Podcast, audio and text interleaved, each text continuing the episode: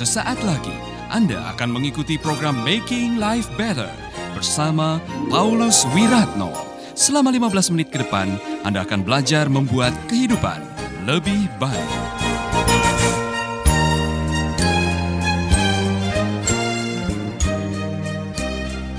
Itu lagu tadi bagus sekali. Ya kan? Apa kata-katanya lagu tadi saudara-saudara? Dulu tak ku tahu Tuhan, berat ku rasakan menanti 25 tahun, berat. Hati menderita, ku tak berdaya menghadapi semua. Mungkin saudara yang sedang dalam penantian bisa mengeluh dengan kalimat yang sama. Oh berat, berat, ya kan? Sudah 25 tahun ngontrak, ngontrak, ngontrak, berat. Ya kan? Sudah menunggu kapan waktu Tuhan menya- me- menyatakan rencananya. Berat, berat kurasakan, berat. Nah, di situlah ujian penantian harus saudara jalani. Karena segala sesuatu ada waktunya Tuhan. Karena dipercepat malah berbahaya. Ini saya kasih perenungan aja. Kenapa bayi itu harus nunggu satu tahun baru diizinkan jalan oleh Tuhan? Kenapa tidak lahir langsung loncat? Langsung lari. Kira-kira, kira-kira ibu-ibu bisa memahami? Kalau bayimu lahir langsung lari-lari? Seperti anak kambing tuh. Lahir jebrol langsung belajar berdiri, langsung bisa loncat-loncat. Kenapa bayi tidak seperti itu? Kenapa untuk ngomong harus nunggu satu tahun? Ya kan?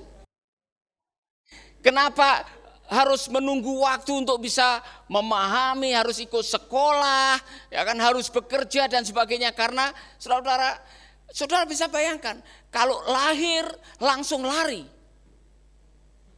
Banyak anak terbunuh, kecelakaan, ya kan? Kan belum dikasih ilmu, belum bisa ngomong, tiba-tiba langsung lari. Saya bisa membayangkan itu yang namanya dokter, kandungan, bidan, kemudian perawat-perawat pasti tidak mau jadi perawat. Iya kan? Anak lari jebrol langsung lari dia cari-cari di mana.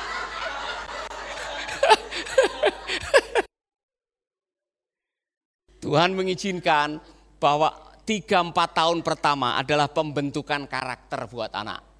Di situlah anak menerima semua yang dibutuhkan oleh manusia hidup. Diterima, dikasih, dikasih, disayangi, rasa aman, dan sebagainya.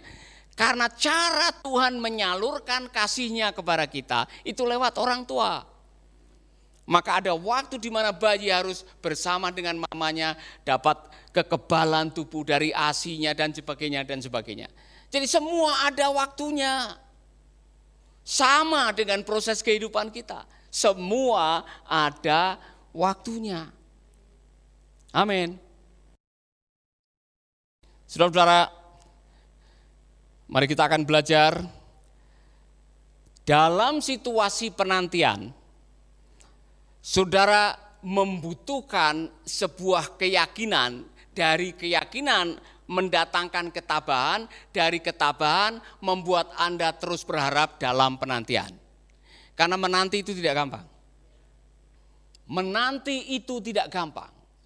Nah, ayat yang saya tadi cuplik dari Yeremia itu 70 tahun. Di pembuangan 70 tahun itu tidak mudah saudara-saudara. Kemudian 25 tahun penantian, 400 tahun baru terjadi, itu tidak gampang. Ketika kita tidak bisa memahami akhir daripada perjalanan, akhir daripada tujuan kita, saudara-saudara, kita bisa menjadi orang yang terserang dengan wabah putus asa. Itu yang berbahaya. Putus asa itu membahayakan kita. Orang yang sudah putus asa oleh karena kecewa, kecewa, kecewa, kecewa, lama-lama mengalami apa yang sering saya katakan mental distortion. Apa itu? Selalu negatif dengan kenyataan. Bahkan sedang membicarakan hal-hal yang positif, yang baik dalam situasi yang sangat kondusif, masih tetap negatif. Pernah ketemu orang gitu? Setiap, setiap kali diajak ngomong, alah kamu ngomong doang. Saya ini pernah mengalami. Saya ini sudah bertahun-tahun berdoa, tidak ada kesembuhan. Tidak usah ngomong begitu lah. Kemudian ada yang mengatakan, Pak saya sudah ada, ini buktinya. Hasil penelitian mengatakan bahwa Sebagian besar orang yang mengalami penyakit ini bisa sembuh. Ah, saya sudah coba segala obat, saya sudah pergi ke banyak dokter. Dipakai alasan apa saja, kalau orang sudah mengalami mental distortion, akan sulit memahami kebenaran. Bahkan tidak bisa melihat kenyataan. Mungkin orang yang paling bagus mewakili ini adalah Kleopas. Karena dia kecewa pada waktu dia pulang ke kampung Emmaus, Yesus ada di sampingnya, dia tidak bisa mengenali. Jadi waspadai Anda yang tidak berani dan tidak punya kekuatan untuk menanti janji Tuhan, Anda akan terjebak dengan kekecewaan, kekecewaan tambah kekecewaan tambah kekecewaan menghadirkan keputusasaan. Orang yang putus asa selalu negatif. Anda masih bersama Paulus Wiratno di Making Life Better.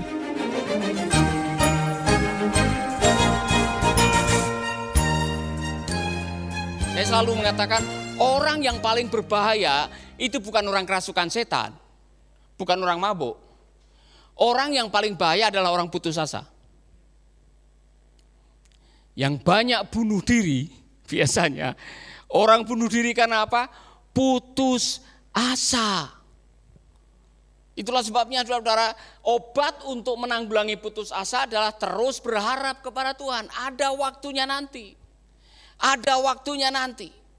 Waktu Tuhan, waktu yang terbaik, pasti yang terbaik. Amin. Nanti setelah saudara melewati semua, baru saudara mengatakan, tapi ku mengerti sekarang. Sekarang, kemarin nangis. Kemarin susah, kemarin saudara negatif, kemarin saudara ngomongin hal-hal yang tidak benar, kemarin saudara marah-marah, kemarin saudara memberontak tapi ku mengerti sekarang. Tanya kepada Ibu Sarah kalau tidak percaya.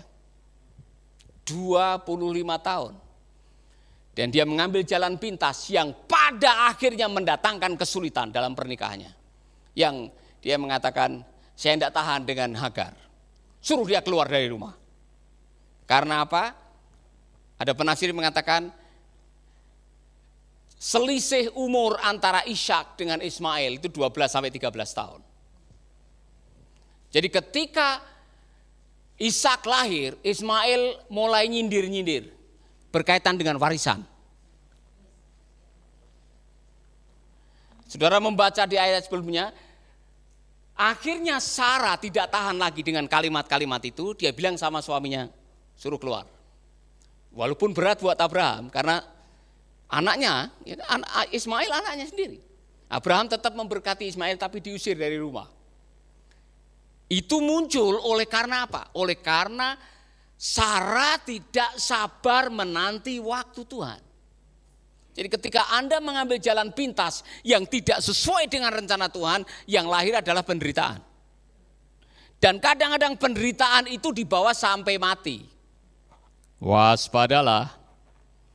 Tunggu waktu Tuhan. Amin. Yang muda-muda tunggu waktu Tuhan. Kalau belum ada di dalam pernikahan jangan macam-macam. Contoh apa macam-macam? Berhubungan seks di luar pernikahan. Nanti kalau anak lahir, ya kan? Anak tetap anak, dia tidak salah, tapi rasa bersalah itu akan bawa dibawa sampai mati. Waspadalah. Jangan macam-macam. Amin. Anda mungkin bisa menyembunyikan, ada berapa orang yang membunuh bayinya, taruh di tas kresek, buang tempat sampah. Anda mungkin bisa menghilangkan bukti, tetapi rasa bersalah, guilt, itu tidak bisa dibuang. Maka belajarlah mengambil keputusan untuk setia dalam rencananya. Kebenaran yang berikutnya. Hidup dalam rencana Tuhan tidak berarti bebas dari kesulitan. Perhatikan baik-baik.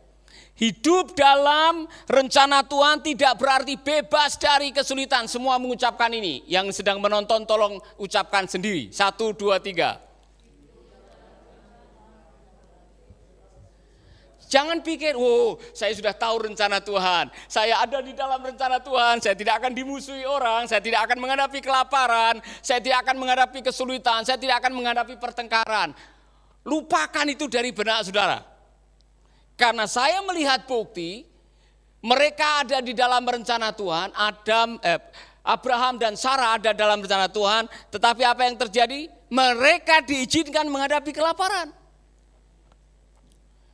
Bahkan mereka diizinkan masuk dalam peperangan. Mereka menyaksikan pemusnahan Sodom dan Gomora. Mereka me menyaksikan situasi yang sulit di mana mereka harus berdusta. Saudara-saudara hidup dalam rencana Tuhan tidak berarti kita bebas dari kesulitan. Tetapi yang saya mau mengatakan, hidup dalam rencana Tuhan berarti Anda disertai oleh Tuhan dalam setiap kesulitan. Amin. Mari kita lihat. Kelaparan. Siapa pernah kelaparan? Padahal saudara setia kepada Tuhan, baca Alkitab, ya kan? Rajin melayani Tuhan. Tiba-tiba beras habis, tidak punya duit. Pernah menghadapi itu? Amin. Saudara harus masak sandal jepit dipotong-potong, dimasak rendang, enggak ada. Ya. Yang saya lihat eh, Pak Samuel pernah masak kayu lapuk, ya kan, jadi abon. Saudara, ketika engkau pernah diizinkan kelaparan, kelaparan bukan bukti bahwa Anda tidak ada dalam rencana Tuhan. Itu adalah bukti bahwa Anda sedang dibentuk oleh Tuhan. Bagaimana sikap Anda waktu menghadapi kelaparan?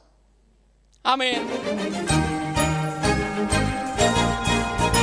Sahabat, Anda baru saja mendengarkan Making Life Better bersama Paulus Wiratno. Jika Anda diberkati, kirimkan kesaksian Anda ke Radio Dian Mandiri, Jalan Intan LC2, Gang 4, Nomor 1, Denpasar, Bali Kunjungi website kami di pauluswiratno.com, Facebook Paulus Wiratno. Hubungi kami di 0811 3901 144 dan 0811 3901 140. Sekali lagi 0811 3901 144 dan 0811 3901 140. Anda juga bisa mendengarkan program Making Life Better ini melalui handphone Anda. Download aplikasinya di Play Store atau App Store. Sahabat, mari dukung program Making Life Better ini melalui rekening BCA 6690300525. Sekali lagi, rekening BCA 6690300525 atas nama Wiratno. Terima kasih, Tuhan Yesus memberkati.